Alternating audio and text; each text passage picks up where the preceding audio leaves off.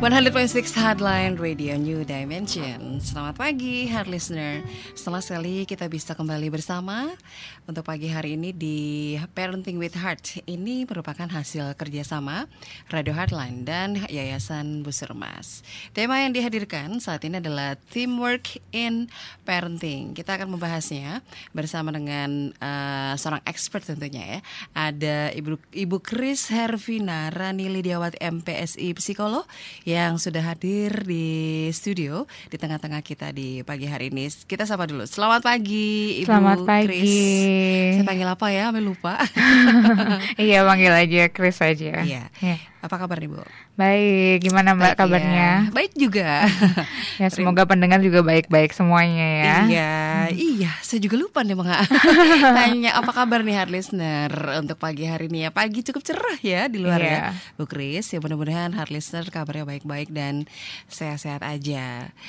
Senang banget nih bisa ketemu Ibu Kris lagi. Saya dapat pelajaran lagi yang pasti. Tema kita adalah teamwork in parenting. Ah, kalau dengar teamwork, saya sebagai eh, salah satu pekerja di perusahaan itu udah terbayang ya teamwork dengan tim kita gitu ya di divisi atau mungkin dengan bagian lain yang terkait kita bisa kerjasama untuk eh, menyelesaikan satu aktivitas ya sebuah pekerjaan aktivitas atau kegiatan di di kantor gitu ya. Nah, eh, tentunya di pagi hari ini ada pengertian atau permasalahan tersendiri nih ya di dalam parenting itu sendiri sehingga harus ada teamwork gitu ya. Sebetulnya yang di eh, sebelum kita bahas lebih jauh lebih dalam ya Bu Kris, eh, parenting itu pengertiannya seperti apa atau definisi dari parenting atau apakah ada style-stylenya seperti apa? Ya, eh, jadi kalau ditanya sebenarnya kita mau bahas tentang teamwork and parenting begitu ya. Nah, kita mesti samain dulu persepsinya. Kalau kerjasama kan kita semua orang juga tahu gitu ya bagaimana kita harusnya bekerja sama.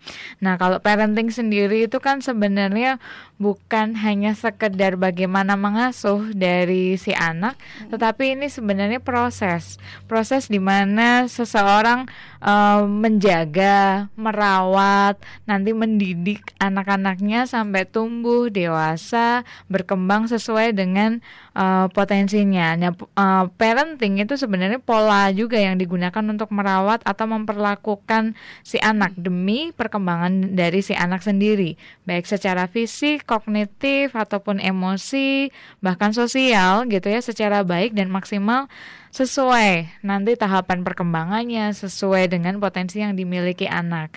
Jadi eh, tugasnya orang tua ada beberapa pengertian sebenarnya. Parenting itu eh, adalah untuk anak sampai usia misalnya kurang dari 18 tahun atau bahkan bisa lebih jika anak Iya. tersebut belum sesuai dengan tahap perkembangannya begitu karena nanti lama-lama pasti akan orang tua punya batasannya dalam atau mendidik merawat itu sudah ada batasannya. Nanti kalau sudah dewasa ya orang tua akan lama-lama melepas. Bahkan kalau sudah menikah ya orang tua sudah cukup gitu ya. Nanti dia harus bisa bertanggung jawab sendiri. Jadi ketika yang disebut parenting eh, ada masanya di mana kita memang tugasnya untuk mendidik merawat sampai nanti dia mampu eh, istilahnya secara intelektual sudah berkembang, secara fisik juga sudah cukup gitu ya. Jadi sudah nggak bertumbuh lagi. Selebihnya kan kita setelah dewasa pasti punya tanggung jawabnya masing-masing. Itu sih sebenarnya parenting. Jadi mungkin yang perlu digarisbawain adalah proses. Ini semuanya tuh proses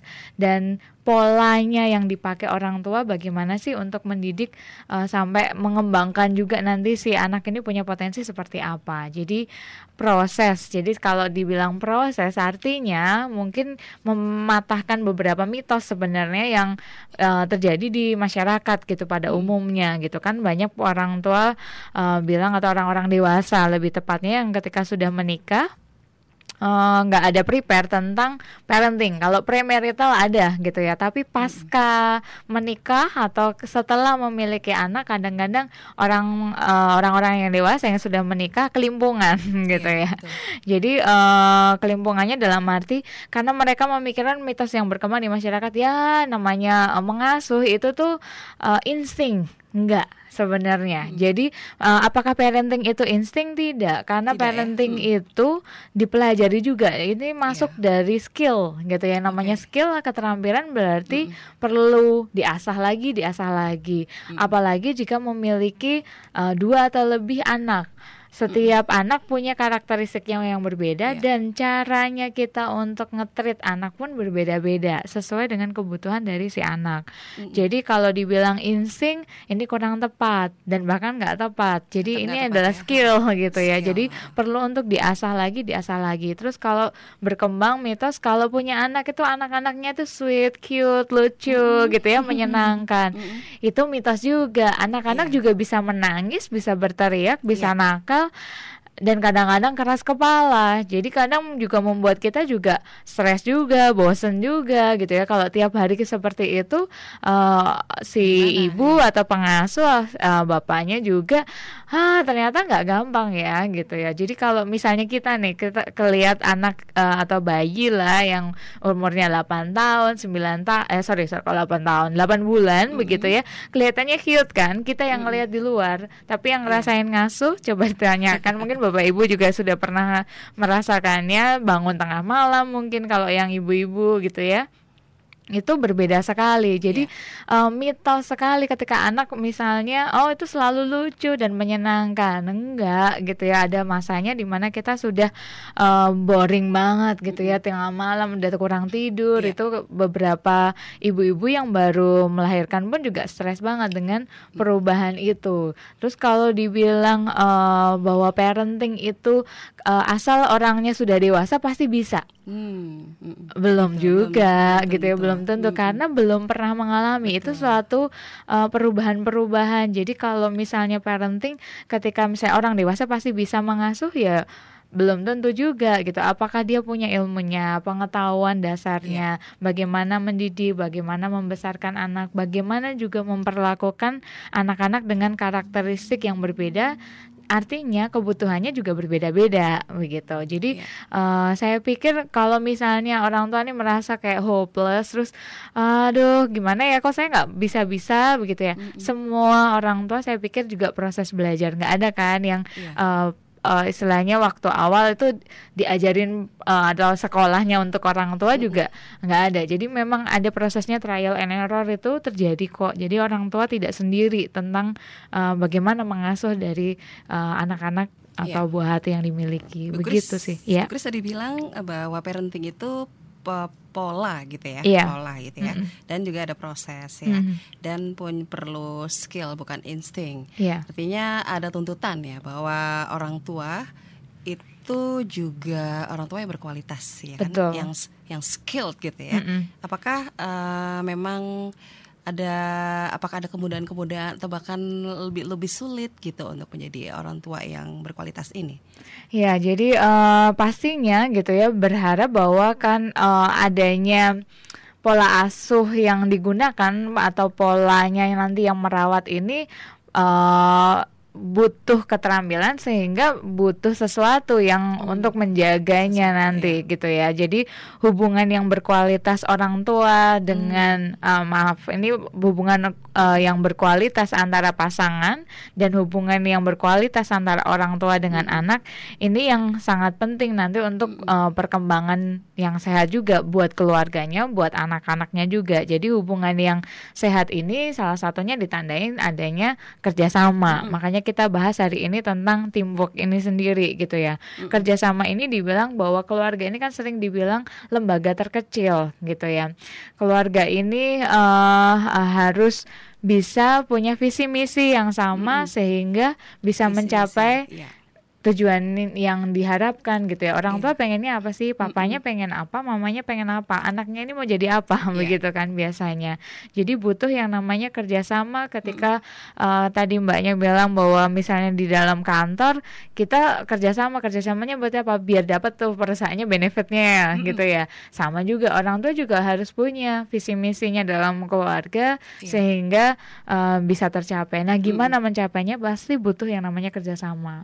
Nggak bisa kalau misalnya uh, pekerja nggak mau kerjasama dengan si pemiliknya begitu itu yeah. akan menjadi sulit sekali atau uh, pekerja dengan satu dengan yang lainnya berantem ya nggak akan jalan-jalan jadi yeah. dibutuhkan yang namanya kerjasama itu sendiri yeah. gitu ya bekerja sama ini bukan hanya sekedar pembagian kerjanya mm -hmm. tetapi secara emosi secara kognitif pemikiran itu sumbangsihnya banyak banget gitu ya tenaga waktu itu pasti terkuras habis gitu mm -hmm. Jadi ya hubungan eh, di orang tua ini kan ada si si papa ada si mama gitu ya. Yeah. Jadi hubungan keduanya juga bisa menjadi ukuran uh, kualitas orang tuanya itu salah satunya. Gitu yeah. ya. Mm -hmm. uh, dan ya iya kalau di keluarga kan kalau kerjasama di perusahaan ya unit perusahaan. Kalau ini kan unit keluarga kerjasama Betul. sama sebetulnya ya mm-hmm. secara uh, mendasar. Baik kita akan bahas lebih jauh lagi. Mungkin uh, ada kerjasama yang baru dibangun ya, baru uh, membuat kesepakatan-kesepakatan gitu ya Bu Kris ya. Iya. ditempel gitu, ditempel. Itu bagian kamu, ini bagian saya gitu. Eh, tapi bisa kan nih bagi-bagi gitu ya? Ini bisa. bagian yang Mbak misalnya uh, menemani bikin PR misalnya, bisa ya Bu ya? Bisa. Jadi bisa. kalau yang namanya keluarga adalah unit terkecil itu adalah sistem juga sistem. kan ya. Hmm. Jadi kalau yang namanya ada orang meng mengibaratkan itu kayak negara sendiri sudah. Jadi harus uh, ada aturannya juga, sudah -hmm. ada siapa yang melakukan apa yeah. begitu ya. Jadi kalau begitu sudah ada kesepakatan-kesepakatan yang ada harus hmm. ditetapkan. Jadi kalau misalnya ada beberapa keluarga yang sampai peraturannya ditulis mesti ditempel aja. Jadi supaya seluruh anggota keluarga juga mengetahuinya. Apalagi kalau misalnya bukan hanya keluarga inti yang yeah. tinggal di dalam rumah tersebut. Seluruh keluarga. Ya, ya seluruh hmm. keluarga. Jadi misalnya ada aturan-aturan yang uh, contoh yang hal simpel nonton TV jam berapa sih gitu hmm. ya boleh. Jadi kalau pas lagi belajar jangan sampai jangan yeah. nanti orang tuanya nonton gitu ya, anaknya juga denger kan ikutan mama papa aja nonton gitu ya. Akhirnya si anaknya juga ikut. Jadi hmm. banyak kesepakatan sebenarnya yang harus uh, ada gitu ya di antara orang tua. Yang basicnya sebenarnya kalau orang tua ingin jadi orang tua yang baik adalah harus ada konsistensi, konsistensi gitu ya. Iya. Jadi konsistensi dalam menerapkan peraturan ini berlaku. Misalnya hmm. bukan hanya hari itu aja, tetapi okay. besok juga sama gitu hmm. ya. Konsistensi itu hmm. harus tetap dijaga antara si papa dan mama juga. Hmm. Makanya dibutuhkan uh, kesepakatan itu. Dalam konsistensi penerapannya pun kita tetap dibutuhkan yang namanya hmm. kehangatan juga dan kontrol dalam mengasuh gitu ya. Makanya muncul kan iya. uh -uh. ya muncul uh, ada tipe-tipe kepribadian eh sorry tipe-tipe pola asuh yang mm-hmm. berbeda-beda begitu nah, ya. Ini seperti apa nih pola tipe-tipenya? Nah, uh, kalau pola asuhnya itu beda-beda itu hanya mm. di, sebenarnya berkaitan dengan warm sama kontrol. Jadi kehangatan mm-hmm. sama kontrol aja. Kalau yeah. misalnya tidak ada sama-sama dua-duanya, ya itu namanya neglectful gitu ya, tipe mm-hmm. yang mengabaikan. mengabaikan. Tapi kalau yang terlalu misalnya uh, orang tuanya terlalu mengontrol tanpa ada kasih sayang, mm-hmm. ini biasa biasa masih zaman dulu nih kolonial gitu ya. Kamu harus begini hmm. begini tapi nggak boleh kamu nanya gitu ya. Jadi uh, kamu pokoknya begini ya kalau salah nanti dihukum gitu ya. Yang ada ya. hanya penghukuman dan mm anak harus patuh terhadap orang tua. Itu otoriter. -mm. nah kemudian ada juga yang tipe yang uh, terlalu hangat justru terlalu gitu ya. Warmnya tinggi tuh? banget uh -huh. gitu ya. Sementara serba boleh gitu. Ya? Serba boleh. Serba boleh ya. Uh -huh. Apa aja lah gitu ya uh -huh. buat anak gitu dimanjakan yang yeah. berlebihan tetapi nggak ada kontrol. Hmm. Nah, itu yang namanya permisif gitu ya, permisif, ya. Tipe yeah. yang ketiga. Nah, seharusnya di dalam pola asuh harus ada dua-duanya Iya okay. kontrol iya, tapi yeah. juga kehangatan ya harus ada harus begitu. Ada, ya. Jadi itu namanya yang autor, uh, autoritatif atau yang biasa kalau kita demokratis lah gitu ya. Mm -hmm. Jadi di situ juga uh, si anak juga punya hak tanya, mm-hmm. diskusi mm-hmm. dan seterusnya. Jadi ketika misalnya hubungan yang baik juga antara si anak ini akan membantu si orang tua juga punya iya. insight. Yeah. Oh, jadi kalau ngetrit anak saya yang pertama mungkin berbeda dengan mm-hmm. anak yang kedua. Mm-hmm. Banyak kan kasusnya misalnya anak yang pertama ini lebih uh, apa namanya pendiam, pendiam, pendiam misalnya. Mm-hmm. Anak yang kedua lebih ceria hahaha. Mm-hmm. Kalau dikasih hukuman malah senang gitu ya yeah, misalnya. Yeah. Yang pertama mm-hmm. ini belum apa-apa udah nangis duluan mm-hmm. gitu ya.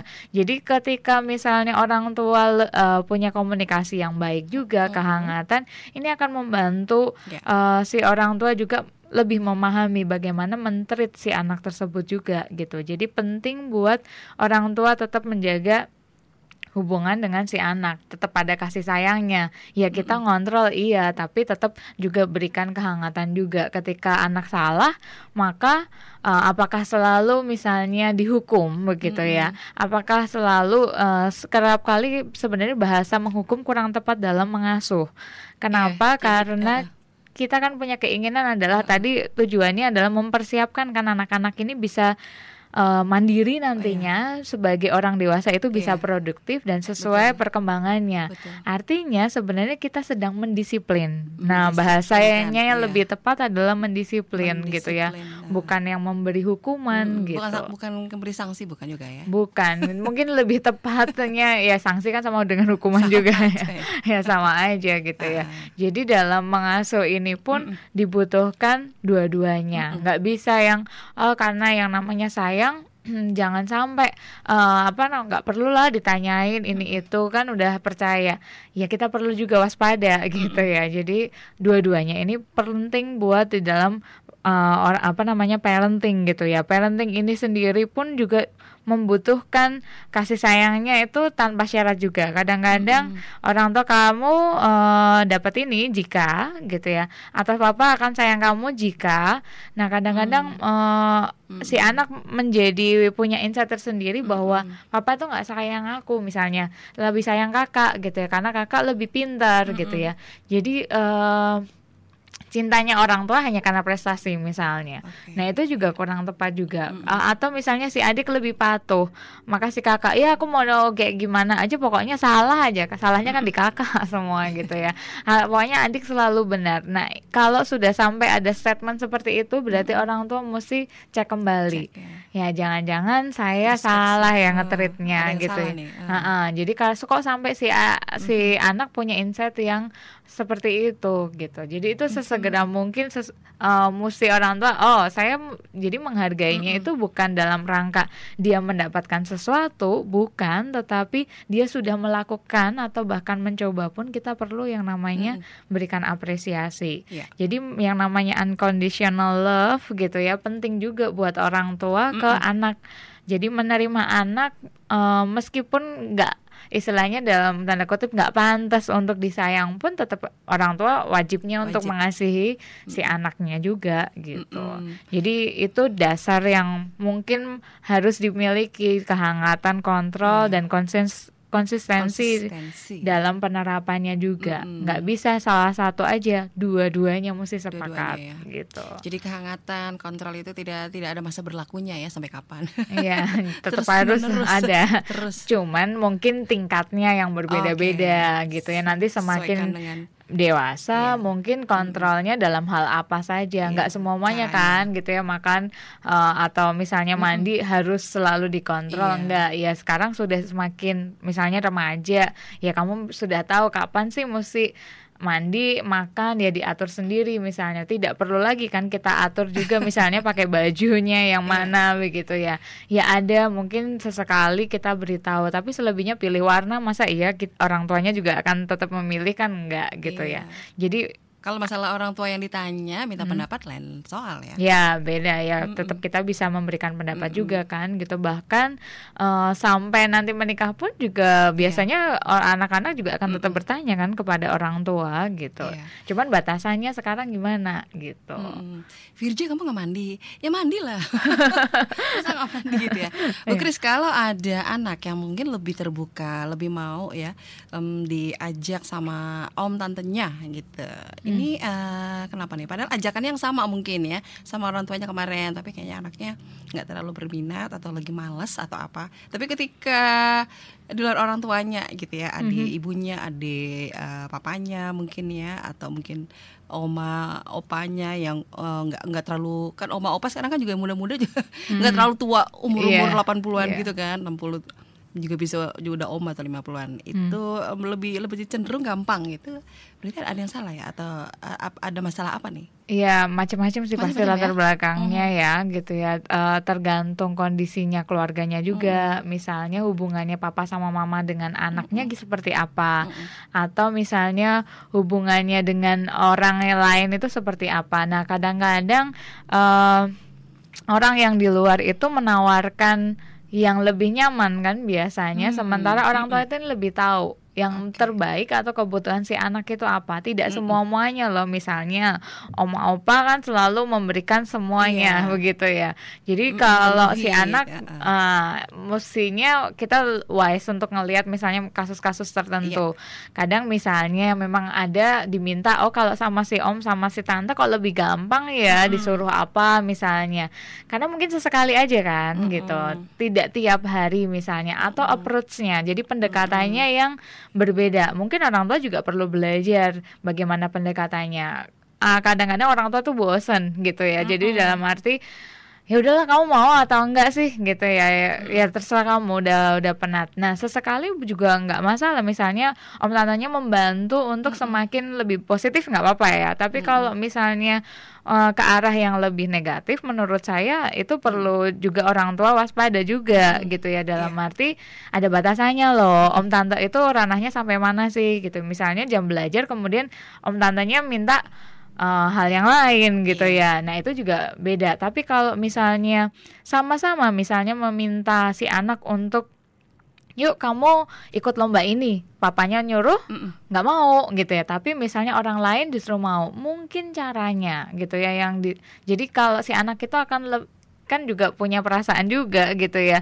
Mana sih orang yang tulus gitu ya memang untuk buat kamu mana yang buat diri sendiri Diri, ya. gitu ya. Kadang-kadang kan orang tua nggak sadar gitu ya. Hanya untuk pride-nya orang tua gitu ya kebanggaannya. Iya. iya gitu loh. Anak nanti dibandingin lagi sama anak tetangga Ah, pula gitu boleh ya deh, banding-banding. Ah, gitu. Itu nggak anak-anak nggak suka. Tapi beda. Mungkin kalau om tantanya memang tulus gitu ya eh kamu kan berbakat gitu ya coba Mm. deh kamu ini gitu ya ikut lomba ini itu kan akan berbeda sekali Mm-mm. gitu ya dibandingkan orang tua kamu tuh loh kenapa sih nggak mau nah itu Mm. beda lagi gitu Iya, ya betul. jadi cara bicaranya bicara, atau iya. perspektifnya dari si anak sendiri pun Mm-mm. berbeda karena perlakuan tiap hari kan orang eh, si anak juga akan baca gitu ya papa Mm-mm. nih nyuruh saya karena apa sih gitu ya Mm-mm. karena untuk saya atau karena untuk orang tua, Orang tua. Mm-mm.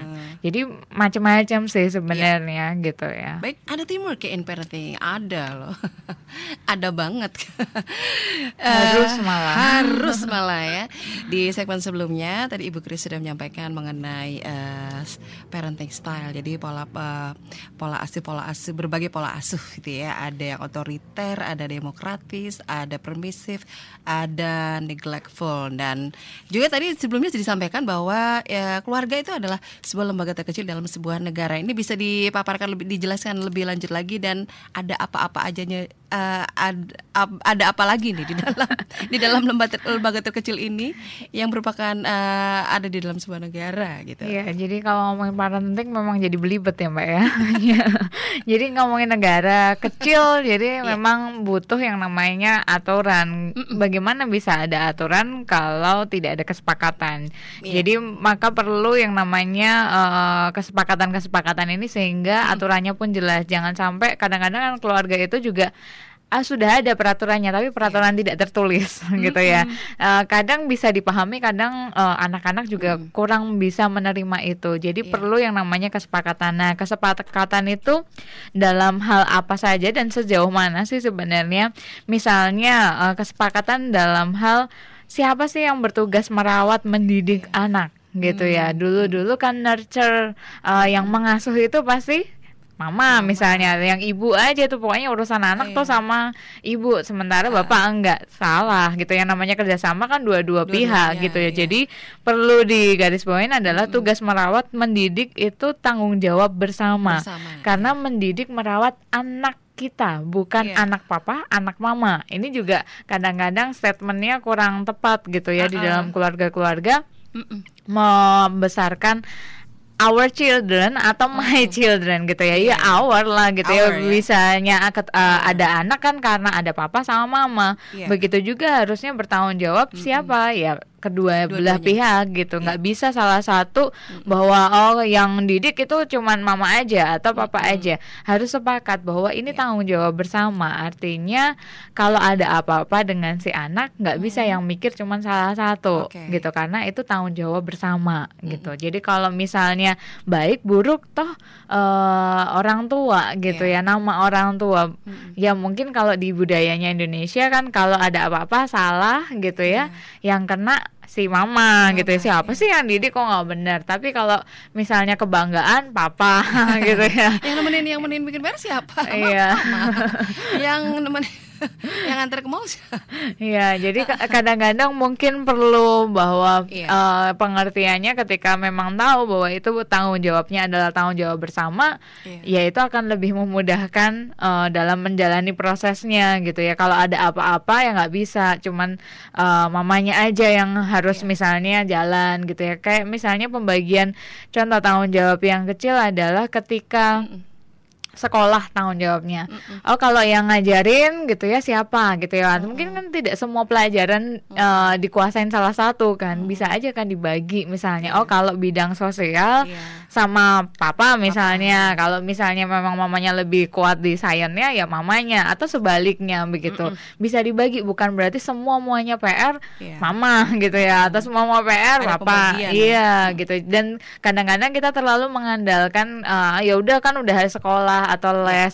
Kadang-kadang anak juga perlu bertanya juga kepada hmm. orang tua. Siapa tahu dengan begitu yeah. juga membangun hubungan yang baik juga gitu. Hmm. Jadi kadang-kadang mungkin perlu wise juga. Oh, harus semuanya enggak juga. Misalnya bahkan ketika mamanya pergi keluar kota gitu ya. Siapa sih ya nggak masalah kan nanti kalau uh, ada ada masih ada papanya masih bisa handle kok gitu. Jadi biar nggak kelimpungan juga gitu ya. Satu waktu ketika misalnya uh, mesti kerja di luar kota atau di luar negeri bahkan itu nggak masalah karena biasa berganti-gantian gitu. Yeah. Kalau semua muanya di handle, uh, misalnya urusan rumah bener-bener hanya salah satu pihak saja, mama pas mamanya sakit, Nah, bingung deh nanti gitu ya. Jadi perlu yang uh, bersama-sama untuk mengerjakan tugas dalam keluarga juga. Jadi PR pertama adalah sepakat dalam hal tanggung jawab, merawat, mendidik itu bersama. Jadi kalau bangun tengah malam bukan hanya mama gitu ya misalnya gitu ya kalau punya anak baby kecil gitu ya papanya juga mesti bantuin gitu ya. At least ngapain kayak bikin susu misalnya. Mm-hmm. Mamanya kan uh, yang gendong si baby gitu ya atau sebaliknya. Itu perlu kerjasama orang tuanya gitu. Jadi tanggung jawab mesti sepakat anak siapa?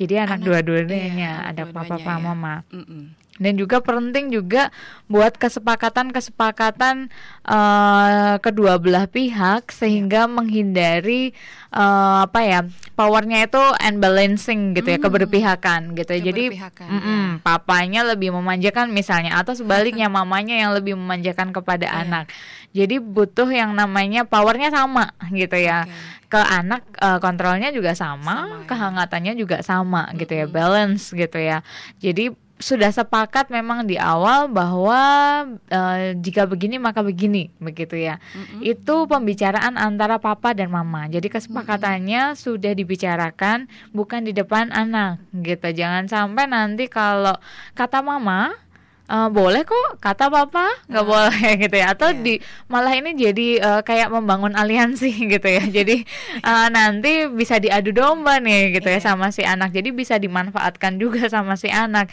Itu nggak sehat juga gitu. Jadi kalau sudah ada kesepakatan itu akan lebih menghindari pertengkaran karena anak gitu ya. Hmm oh ini gara-gara kamu nih anaknya jadi kayak gini. Nah nanti harusnya nggak terjadi kalau sudah sepakat gitu ya. Dan powernya juga sama. Iya. jangan-jangan nanti si anaknya kalau ngelihat papa pulang takut gitu mm -mm. ya karena uh, si papanya yang punya powernya lebih yeah. misalnya. Atau kalau keputusan-keputusan besar uh, lebih ke mama nih. Karena menyangkut keuangan misalnya. Manajer keuangan mama yeah. gitu ya. Jadi kalau sudah dekat sama mama berarti it's okay. Nah itu sudah nggak benar. Mm. jadi keputusan final itu harus di orang tua nggak bisa cuma salah satu powernya harus sama balancing kenapa karena udah sepakat kalau papa bilang ya berarti mama juga Iya gitu okay. karena peraturannya sudah disepakatin gitu. Kalau enggak ya dua-duanya mesti tidak gitu. Mm-hmm. Itu harus deal dan sebisa mungkin kesepakatan ini memang sudah dibangun dulu dari awal. Nggak bisa kalau misalnya ada masalah tertentu uh, baru cari deh dealingnya gimana. Ya kadang-kadang memang kalau masalahnya baru ya nggak masalah. Mm-mm. Tapi kerap kali orang tua nggak prepare untuk hal-hal yang uh, misalnya rule yang sehari-hari saja. Jika anak pulang terlambat misalnya, Iya. jika anak eh, apa ya misalnya main di keluar tanpa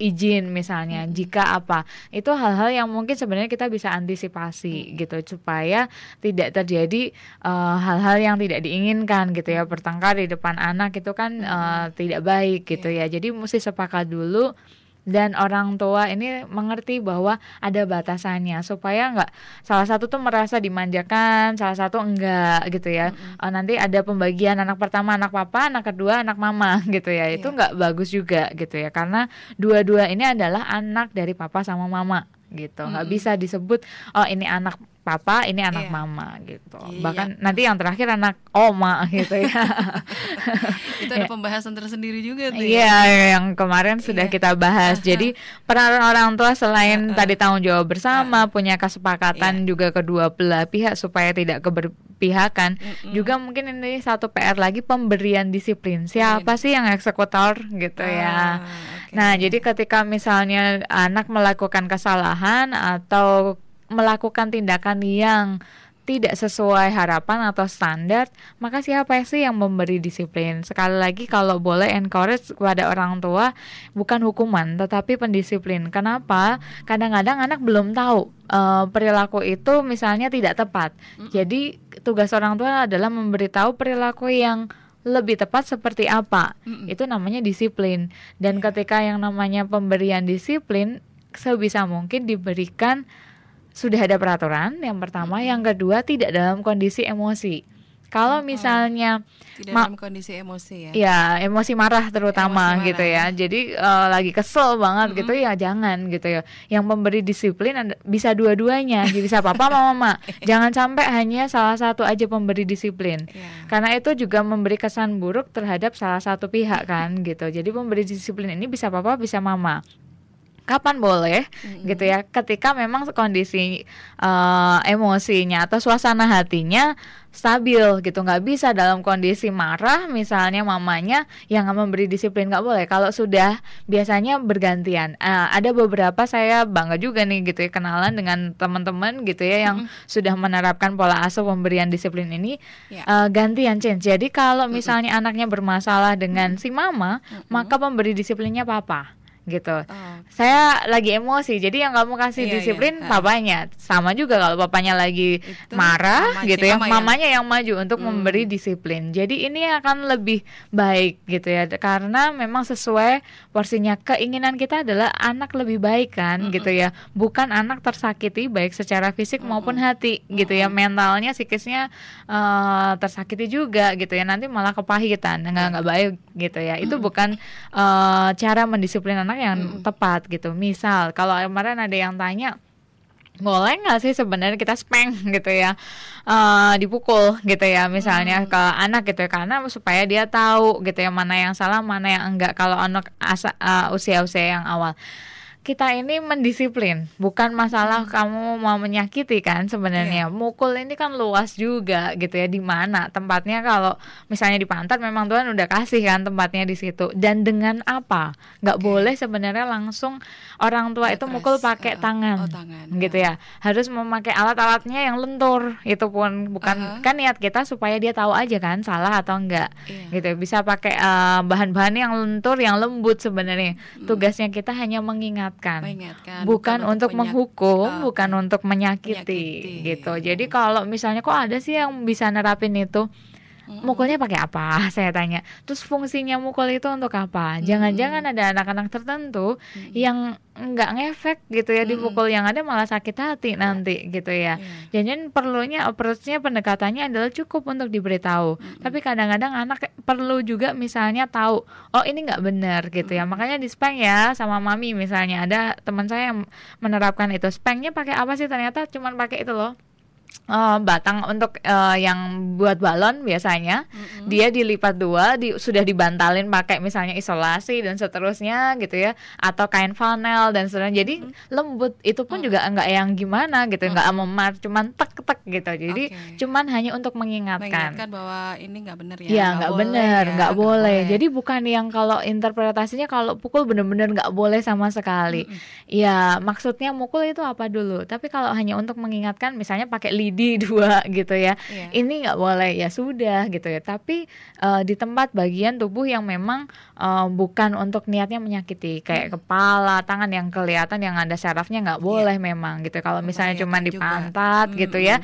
tek tek dua kali ya udah selesai gitu hmm. dispeng ya gitu ya tapi mereka sudah tahu karena yeah. apa coba kalau sudah dispeng atau dipukul uh, duduk bersama untuk diskusi kenapa sih sampai dispeng sama mami atau papi misalnya ya udah tahu sendiri karena salah begini begini mm-hmm. nah itu akan lebih baik dibandingkan habis dispeng udah dibiarin nangis yeah. kejer gitu ya nggak juga itu nggak benar juga mm-hmm. jadi mungkin ada pro apa pro kontra yang biasanya terjadi di orang tua saya pikir pemberi disiplin ini ingat ini memberi disiplin supaya tahu si anak ini perilakunya kurang tepat sehingga yang lebih tepat seperti apa begitu. Dan hmm. cara men, uh, sepakat ini juga belajar buat mengasuh itu uh, dengan hati. Dan jadi dengan hati berarti mengubah hati gitu ya. Uh, kalau kita judulnya programnya Parenting with Heart yeah. itu pas gitu ya. Yes. jadi karena uh, kita bicara soal merawat uh, atau mendidik mengasuh dengan hati ya yang kita sentuh adalah hatinya. Mm -hmm bukan perilakunya saja. Mm-mm. Kadang kalau kita sudah approach si anak-anak gitu ya, anak kecil ataupun sudah remaja, kenapa sih kalau kalau anak remaja saya lebih senang tuh uh, ceritanya sama missnya gitu ya, mm-hmm. konselornya di sekolah dibandingkan yeah. orang tua. Yeah. Karena mereka pendekatannya lebih ke personal, personal gitu ya dari hati ke hati mereka hmm. bisa cerita sementara mungkin orang tua lebih bentengin gitu ya sudah hmm. punya power jadi makanya nggak yeah, mau yeah. lagi Betul. nah itu Betul. perlu belajar dapat hatinya dulu gitu mm, ya. Mm, Jadi baru nanti yang lainnya lainnya lebih memudahkan kalau uh, bapak ibu dapat hatinya ya mengubah perilaku itu sebenarnya gampang nggak perlu disuruh anak itu kalau sudah hmm. deket kan dengan yeah. orang tua uh, minta tolong dong gitu ya maminya yeah. atau papinya ya dia akan nurut aja karena memang sudah ada hubungan yang baik dan si anak juga mengasihi orang tua nggak perlu diminta bahkan -hmm. anak akan lebih tanggap juga yeah. gitu bisa jadi juga ya. bisa lebih mengerti -hmm. gitu -hmm. ketika misalnya mungkin di akhir ini penekanannya adalah ketika uh, kita mengasuh kita perlu yang namanya kerjasama antara suami, istri atau ayah dengan ibu, papa dengan mama, itu penting yang pertama adalah sepakat artinya punya komunikasi yang baik dulu. Kalau komunikasinya nggak baik, susah juga kan kita mau dealingnya gitu ya. Pokoknya begini begini begini yang satu pihak nggak mau kalau harus begini begini. Nah itu bukan yang baik kita harus cari solusi yang terbaik buat mendidik atau membesarkan si anak. Jadi mesti tetap dijaga komunikasi pasangan, kemudian juga jaga juga tuh uh, kesehatan masing-masing. Hmm. Artinya kesehatan uh, pasangan ini menjaga pasangan tetap sehat. Artinya karena pasangannya kalau misalnya salah satu sakit dalam arti bukan hanya sakit secara fisik ya, iya. secara mental ya itu nggak akan uh, bisa mengasuh anak-anak dengan Baik, sehat juga iya. gitu ya. Jadi perlu uh, menjaga kesehatan Anda dan pasangan baik secara fisik, mental dan juga rohani juga. Bagaimana juga uh, untuk menjaga kesehatan secara mental ini mungkin misalnya kalau jenuh butuh yang namanya time out nggak perlu jauh-jauh, nggak perlu lama sebenarnya cara-cara yang me time gitu ya. Ada orang-orang tertentu yang memang ibu rumah tangga gitu ya, uh ada dua anak, tiga anak gitu ya, me time-nya bisa cuma lima menit. Uh, mami mau tutup muka dulu ya gitu yeah. ya. Iya. Kadang uh, butuh waktu misalnya pakai lap aja, dia yeah. lakukan itu. Ya udah tutup lima menit, udah gitu ya. Ya sudah. Kem kemudian kembali mm. ke aktivitasnya uh, seperti biasa. biasa. Atau iya. kadang-kadang butuh yang namanya spend time uh, dengan teman-teman supaya hmm. bisa sharing juga gimana hmm. sih cara mendidik ah, anak, masukan, ya. uh, dapat masukan, hmm. saran dan seterusnya. Yeah. Itu membantu sekali dibandingkan kalau kita tanggung sendiri, sendiri gitu ya. Sendiri, ya, pikirin sendiri, mm, stres sendiri ya, gitu ya. Dan juga perlu belajar bahwa kita perlu fleksibel kok. Kadang-kadang kan karena sudah kepribadiannya kaku, hmm. maka ya pokoknya harus begini. Nah, itu kurang tepat juga karena kita menghadapi anak yang semakin bertumbuh, perkembangannya pun juga berbeda-beda gitu ya. Kebutuhannya berbeda-beda. Anak pertama anak kedua ya berbeda juga gitu ya. Jadi ketika uh, fleksibel ini butuh dibutuhkan para orang tua untuk survive untuk menghadapi hmm. tantangan-tantangan dalam mendidik anak Misalnya ketika anak uh, adjust kita oh, anaknya du, ya adaptasi adaptasi ketika anak bertumbuh baik secara fisik emosi dari hmm. peralihan misalnya anak-anak menuju remaja anaknya juga lagi berkembang, si orang tuanya juga lagi pertama nih punya anak hmm. remaja, ya itu butuh adaptasi ya fleksibel gitu ya, dibutuhkan itu. Kalau misalnya ada ya. kesalahan uh, atau misalnya kita pun juga mengasuh kok error gitu ya, misalnya ya nggak masalah, kita perbaiki sesegera mungkin. Nggak ada orang yang selalu berhasil kan, tetapi uh, kenapa sampai orang itu berhasil? Karena dia ketika gagal maka segera memperbaiki sehingga dia coba lagi dan lagi dan lagi gitu ya nggak nggak harus yang namanya nggak nobody perfect sama juga kan nggak ada orang tua yang benar-benar iya. sempurna dalam mengasuh anak jadi hmm. nggak hmm. masalah bapak ibu ketika misalnya merasa aduh kok saya gagal ya gitu ya hmm. uh, apakah orang tua yang baik selalu menghasilkan anak-anak yang baik belum tentu juga kan hmm. sekalipun kita sudah semaksimal mungkin hmm. kadang-kadang anaknya banyak pengaruhnya dari lingkungan dari jadi luar, it's okay ya. gitu ya ketika itu misalnya memang, ya itu memang terjadi hmm. di mana-mana kepribadian si anak gak hanya terbentuk dari keluarga aja iya. tetapi ini menjadi dasar yang penting hmm. ketika nanti di luar dia sudah imun tuh gitu ya sudah punya kekebalannya yeah. gitu ya karena sudah dapat pesan-pesan moralnya dari orang tuanya jadi dasarnya memang basicnya tetap di dalam keluarga kalau terjadi hal-hal yang di luar uh, didikan dari orang tua, it's okay, segera perbaiki apa yang perlu gitu ya. Jadi jangan sampai yang hopeless banget. Kalau gagal saya mesti gimana sih? Dan yang terakhir mungkin uh, selain komunikasi, kemudian menjaga pasangan yang tetap sehat gitu ya hubungannya keduanya fleksibel dan tetap belajar buat mengasuh nurturannya dengan apa? Dengan kasih yang tanpa syarat, mm -hmm. unconditional love mm -hmm. dan tetap belajar buat mengajar dan juga membimbing. Mm -hmm. Ini uh, sesuatu yang berbeda sekali gitu ya bukan hanya ngajarin aja tapi dibimbing kalau ya. dia nggak bisa yeah. ya dituntun pelan-pelan mm -hmm. sampai dia memang yeah bisa menjalankan sendiri yeah. gitu apa pun itu tugas perkembangannya nggak mungkin kan si anak waktu jalan belajar jalan aja kita langsung lepas aja dah kamu lari gitu nggak kita akan pegangin pelan-pelan yeah. sampai akhirnya bisa mungkin tekniknya kan uh, biasa dipakai itu scaffolding gitu ya iya. pelan-pelan nanti lama-lama dilepas, dilepas begitu ya, ya.